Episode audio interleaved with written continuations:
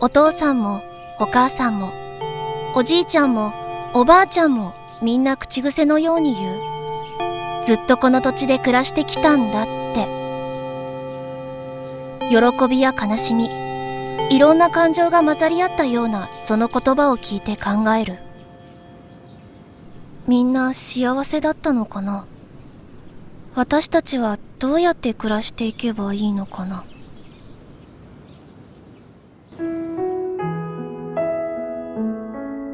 変わらない風景の色。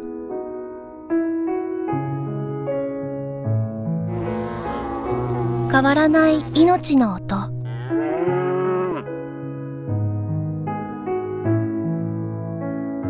変わらない生活の匂い。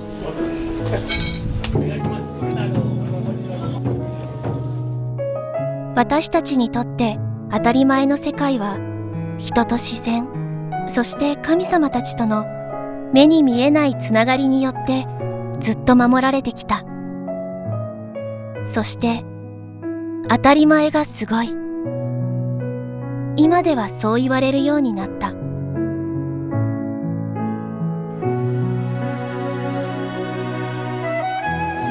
これはそんな地域に暮らす私たち高校生の物語。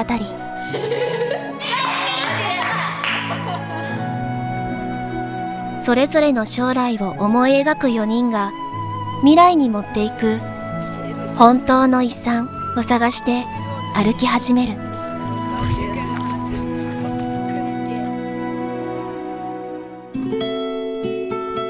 若菜はいつも昔のまんまの当たり前の風景に感動している。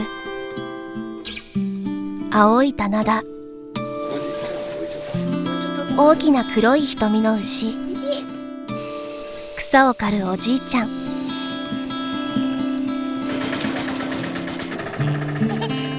ずっと変わらないことも大切なんだってある時気がついた。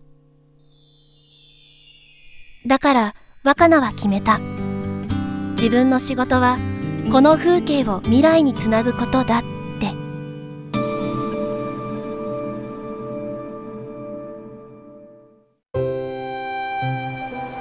目立ちたがり屋のしんちゃんの夢は歌手になること。いつも早く都会に行きたいって言ってる。でもしんちゃんは分かってる。おじいちゃんとおばあちゃんが自分のために山を守ってきてくれたこと。ご先祖様から続く長い長い家族のつながり。自分もその中で生かされている。ということも。だから安心して出ていけるんだよ。しんちゃんはそう言うのかもしれない。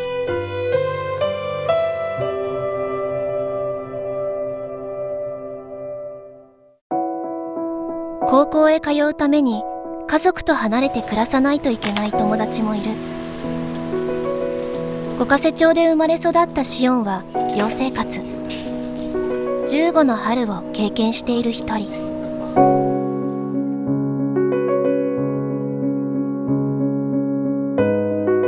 卒業と同時に廃校になった中学校。シオンは思う今は離れているけど勉強して夢を叶えたらいつかこの五ヶ瀬に帰ってくる。そしてこの町のお年寄りのために働くんだ。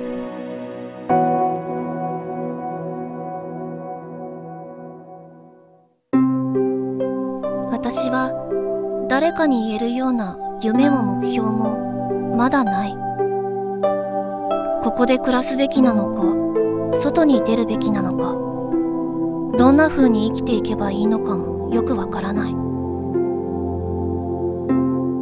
だけど今こうして私の声が町の人に届いている。小学生と高校生が合わせて取り組んでいます。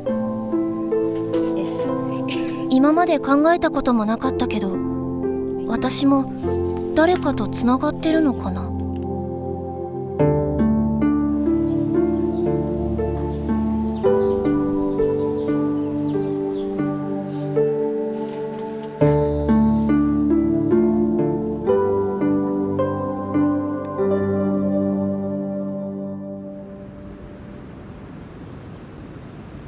何かあると私たちは空を見上げる。せーので目開けるよ。いくよ。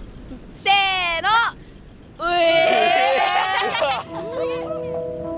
何百年も何千年も変わらないこの星空。私のおばあちゃんもそのまたおばあちゃんもきっと見上げていた。星はタイムマシンみたいに私と昔の人たちの心をつなげてくれる。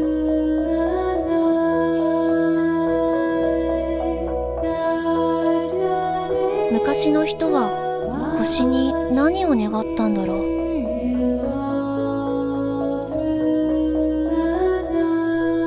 その願いは誰に届いたんだろう。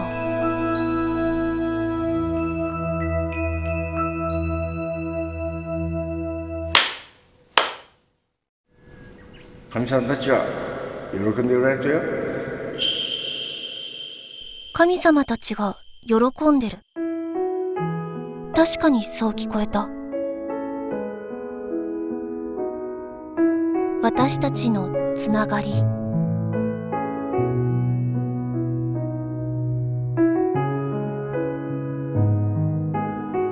どんな時も自然と神とのつながりを絶やさず田を耕し木を植え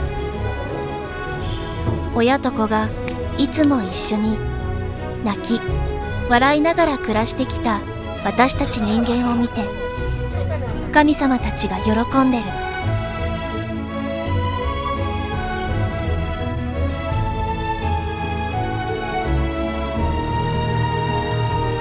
私たちは自由に歩いていけばいい。